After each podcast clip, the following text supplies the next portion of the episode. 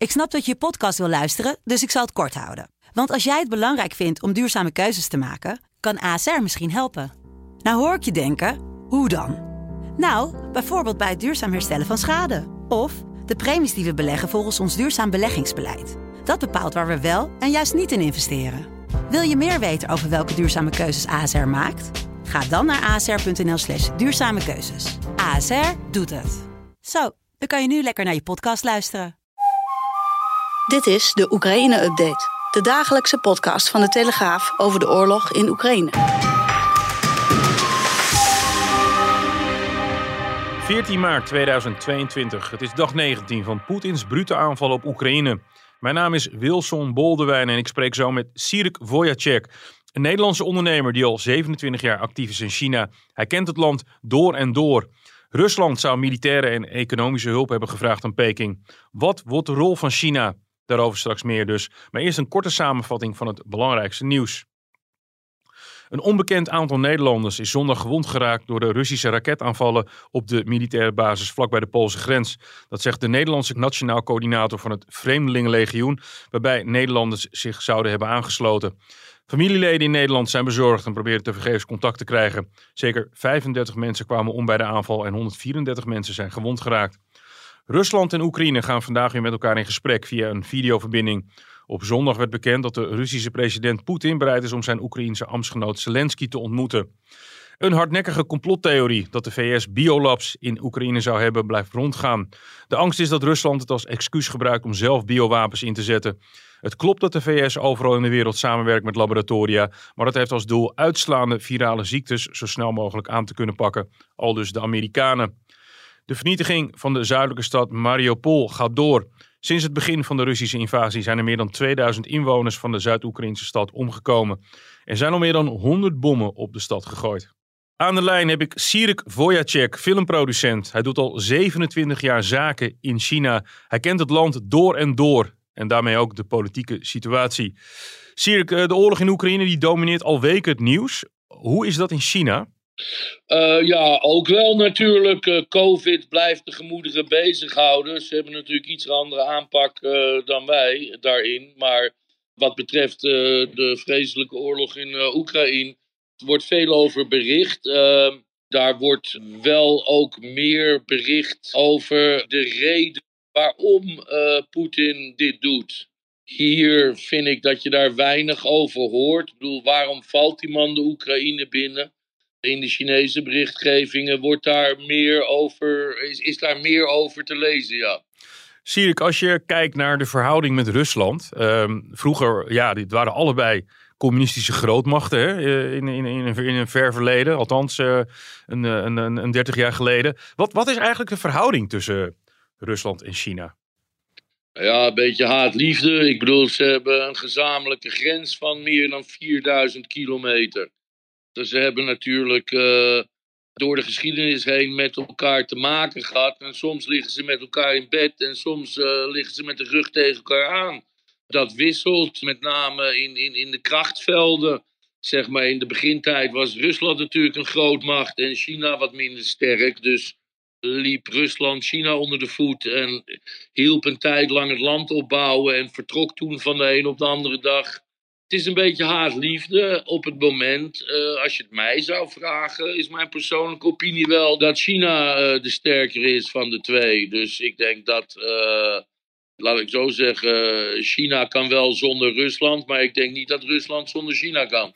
En nu is er een formeel verzoek gekomen om militaire en ook een economische steun. Ja, dat, dat, die hebben natuurlijk qua, qua leger, maar qua militair materiaal zijn er grote overeenkomsten. Dus het lijkt ook een logische partner. Wat, wat, wat weten we over dat verzoek? Nou, over het verzoek, dat kan ik, durf ik eigenlijk niks over te zeggen. Maar wat ik wel durf te zeggen, of denk te kunnen zeggen, is dat. Uh, kijk, China zal zich in principe niet bezighouden met, in, met, met incidenten in andere landen. Dat is het land niet eigen. Dat is meer een, uh, een ticket van het Westen. China is er voor de Chinezen en in eerste instantie gaat het om de Chinezen. En uh, ik denk dat als China kan, ze zeker een, uh, een dempende rol zullen spelen op die Russen. Ik bedoel, ze zijn het zeker niet eens met die uh, invasie die nu plaatsvindt. En eh, je vroeg me eerder waarom ze zo stil zijn. Nou, dat denk ik dat dat alles te maken heeft met het feit dat ze het gewoon niet meer eens zijn dat de Russen op deze manier uh, de Oekraïne zijn binnengevallen.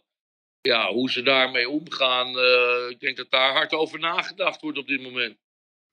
Ja, want de reden dat, dat die stilte is, hè, want er werd eerst gevraagd, Peking moet bemiddelen, maar vanuit die kant is het nu stil. Dat initiatief is een beetje naar Turkije en naar, naar andere landen gegaan. Eigenlijk hoor ik jou zeggen, ik zie China niet zo heel snel echt concreet overgaan om die Russen te helpen in de strijd. En, en waarom denk je dat de Chinezen dat niet gaan doen?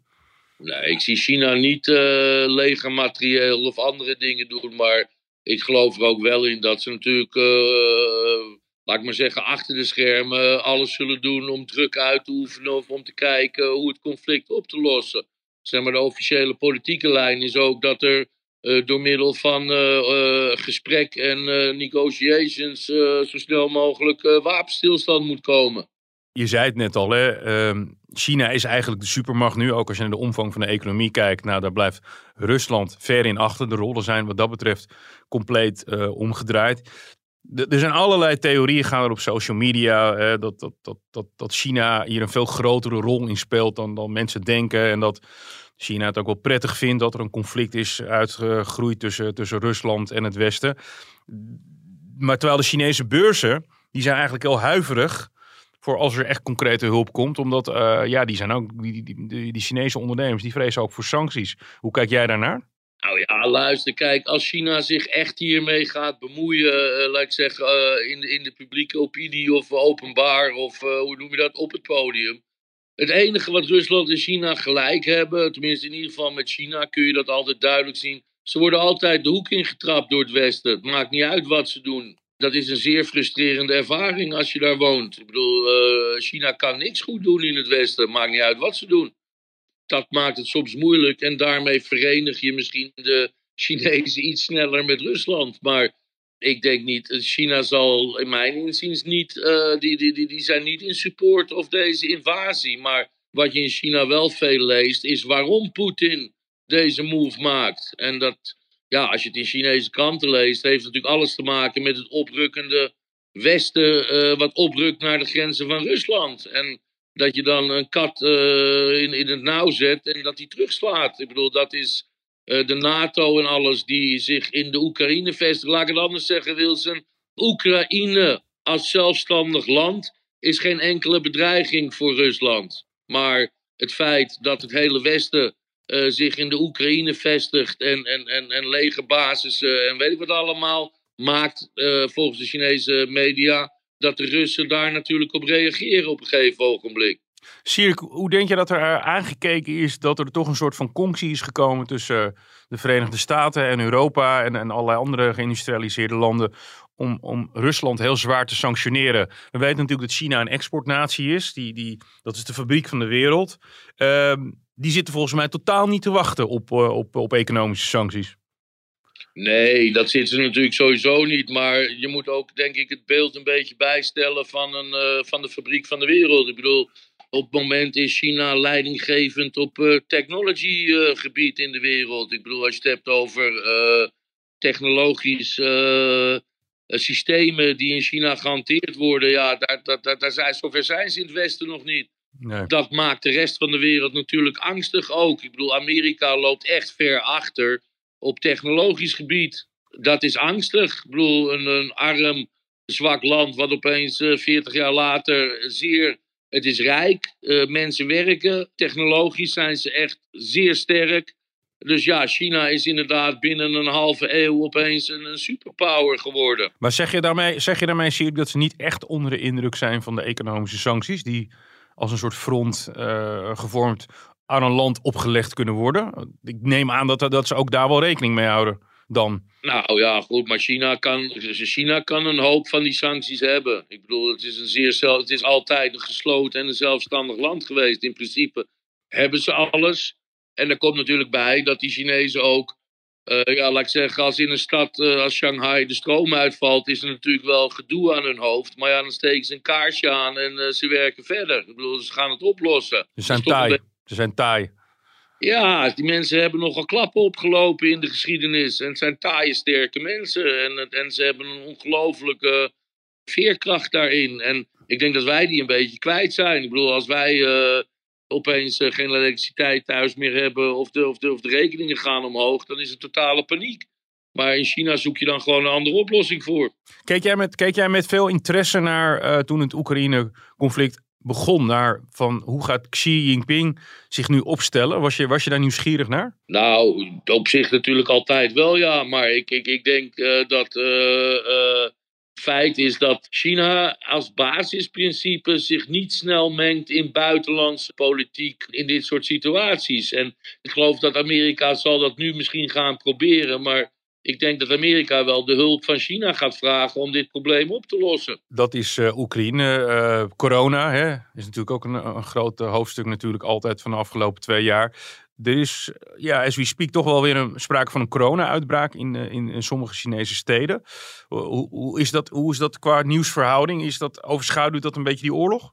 Nou ja, overschaduwd. Er, er blijft veel. Kijk, ik denk dat China ook heel sterk uh, afgewacht heeft tot ze de Olympische Spelen en de Paralympics achter de rug hebben.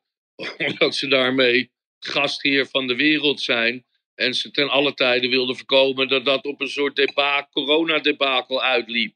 Ik, ik vraag me sterk af welke kant ze de komende maand opgaan met hun coronabeleid. Nu ze zeg maar niet meer uh, zo'n belangrijk event hoeven te hosten.